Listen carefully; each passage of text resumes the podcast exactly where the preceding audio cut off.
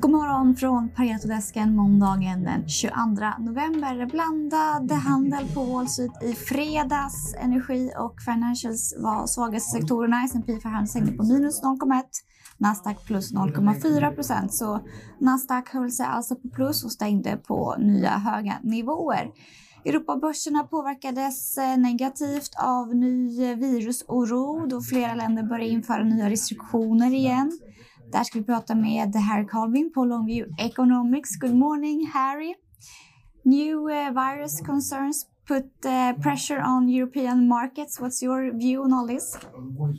Yeah, I mean, I think actually equity markets are holding up very well. And actually, if you look in the US, a lot of the headline indices have been breaking out to the upside. They've been consolidating uh, for the past couple of weeks or so, and now they're moving higher. So the S&P moved above the top end of its sort of two-week trading range. The Nasdaq, you may have seen, made a new high on Friday. I think all of that is very encouraging price action, and especially given, as you say, worries about the virus. Uh, we had Clarida on Friday as well, talking about the possibility the Fed may speed up its tapering process. So there are lots of things to worry about, as always, but I think the price action has been has been really very resilient. And what is the biggest concern about the inflation and rate hikes? Yeah, I mean the main concern is that inflation is not transitory, that it's persistent, that central banks are behind the curve, and that they're going to have to respond very quickly uh, to scramble and catch up to tighten up policy.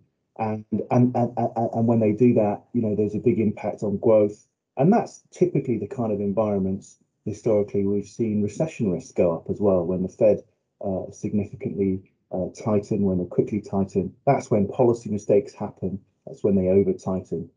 So that's the main concern. How likely is it to occur in the next uh, six months? Yeah, I mean, I think we've got some time to go. You know, Powell's been very clear that what he wants to do is push up the participation rate in in America. He doesn't want to respond to the kind of inflation we're seeing now. He wants to see uh, what I call Phillips Phillips curve type inflation. So he wants to see strong wages, which are resulting from a tight labour market. Now we've got quite strong wages currently, but we don't really have a tight labour market. Participation is still very low, and he was pretty clear at the last press conference that he wants to push that up, and he's going to he's going to be leaning towards a dovish bias uh, as he as as as he pushes policy forward over the next six months. Of course, he may be replaced by Brainard.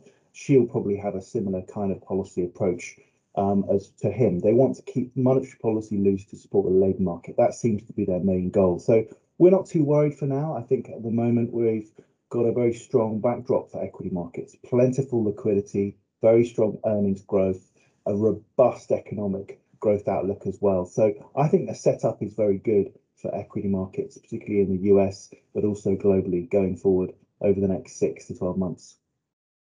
Thank you, Harry. Här under morgonen så har vi fått en del nyheter. Bland annat så köper Ericsson eh, Vonage, en global leverantör av målbaserad kommunikation för 6,2 miljarder dollar. Och så har Sandvik annonserat att de kommer köpa upp ett eh, bolag. Ja, där får vi prata vidare med eh, Anders Roslund så längre fram. För nu ska vi prata Xspray med Dan Axerty. Vi har tagit upp bevakning av bolaget idag. Berätta lite kort vad Xspray gör. Uh, Xspray Pharma is uh, developing uh, improved uh, drugs. So they uh, work on existing drugs and improve them in, in multiple ways. And uh, with that, they're also circumventing uh, secondary patents of uh, these uh, marketed drugs and have kind of a semi exclusivity when they uh, reach the market uh, where generic companies cannot enter yet. so they have currently two lead programs. one has been submitted just last week to the US FDA. but we also see some challenges that are remaining for the company, and that is Uh, establishing a clear uh, commercial uh, strategy and communicating that, uh, as well as um, uh, we expect that there is a good possibility that BMS, the pharma company, where the where the lead drug is kind of from Xspray improving, that this pharma company will possibly start litigations uh, around end of Q1 next year uh, against Xspray uh, due to uh, cla- claiming patent infringement. At the same time, our patent due diligence that we did revealed that Xspray is indeed circumventing uh, these patents. Uh, be it as it may, it can always uh, there's always a risk, of course, and the litigations might start anyways because the pharma company just tries to delay such a competitor. In, in a blue sky scenario, maybe BMS even partners uh, with Xspray and uh, that would be of course great. Men när ett läkemedelsbolag kommer ut med en ny eh, förbättrad eller ny generika så brukar väl originalläkemedelsbolaget stämma dem? Ja, det är uh, ganska vanligt. So that, that happens uh, basically all the time. And it's different for a generic because the generic is indeed the same. So if they would uh, try to file now for approval uh, where a patent is still active until 26 for the lead drug. Of course, they can uh, not uh, enter the market, so the B- BMS will 100% sue them and has sued such companies. So there has been some that have uh, submitted uh, their uh, ANDA application for a generic drug, and they have been sued. but in Xspray's case, it's different. So they're actually circumventing the the patent according to what we we have observed. Mm. And uh, and there it will be more a delay tactic. So even if they choose to partner with Xspray, I think it's still likely that they first sue, so they have still both options. Because if they don't sue uh, after 45 days uh, after receiving a notice from Xspray, which will occur as soon as the uh, US FDA accepts their uh, new drug application that they submitted last week, uh, then then that is kind of an option that they lost if they don't don't uh, mm. sue. Och det var ju, eh, det hände ju lite grejer i somras, eller snarare eh, tidig höst, sen höst, när yeah. deras ena väg failade. Yeah, exactly. So the company, so if we look at the stock, we can also see like uh, three uh, three times where it uh, dropped quite uh, a lot at once, and that is uh, since, since uh, last year as well. And that is when the company still tried to produce a generic with their technology that is actually producing a different version. Mm. so that didn't work out, and the company started working also on an improved version. that is sought to be submitted as improved version, and and this has succeeded in the first trial, and that it's the data that we got in July already, where you can also see a little uh, positive spike on the share mm-hmm. price. And that is the data that the company now also submitted for, for approval. And, and this is the way forward for the company, mm. also for the upcoming products. Så de hade två patterns först på den här lead drag då, men sen så valde de att eh, gå vidare bara med den förbättrade vägen. Exactly, so that, that's now the path forward. Mm, exakt.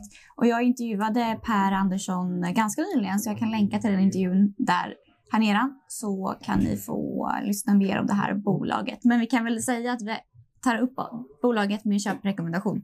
Yes, so we have a buy recommendation of a 97 uh, uh, SEC target price for now. Uh, it's uh, very conservative, but that is because of the cha challenges that we see that uh, remain. Uh, if the company manages to succeed uh, with both lead assets, we see an upside uh, in our base case uh, to 314 SEK fully diluted, assuming uh, further dilutions. Mm, upprepa igen där. När kan vi se som uh, triggers eller som news flow? so there can always be surprises now in terms of partnership deals. So I think that's something where the company is actively working on. other news flow will be that the US FDA accepts the accepts their uh, application that they submitted last week and probably around January. And uh, then uh, will have to file this uh, paragraph uh, for filing uh, this letter to BMS, and then probably there is a chance of, of, as mentioned, the litigation starting end of Q1 and then uh, we hope that the company can clear that until uh, end of next year and at the same time when they get approval and maybe enter the market in 23 already with the drug but we were very conservative in our estimates for the valuation and also the target price and, and there we assumed only that they will enter in the beginning of 24 with the lead drug and then q4 with the second drug and that is uh, assuming a bit a longer uh, litigation process time. Mm.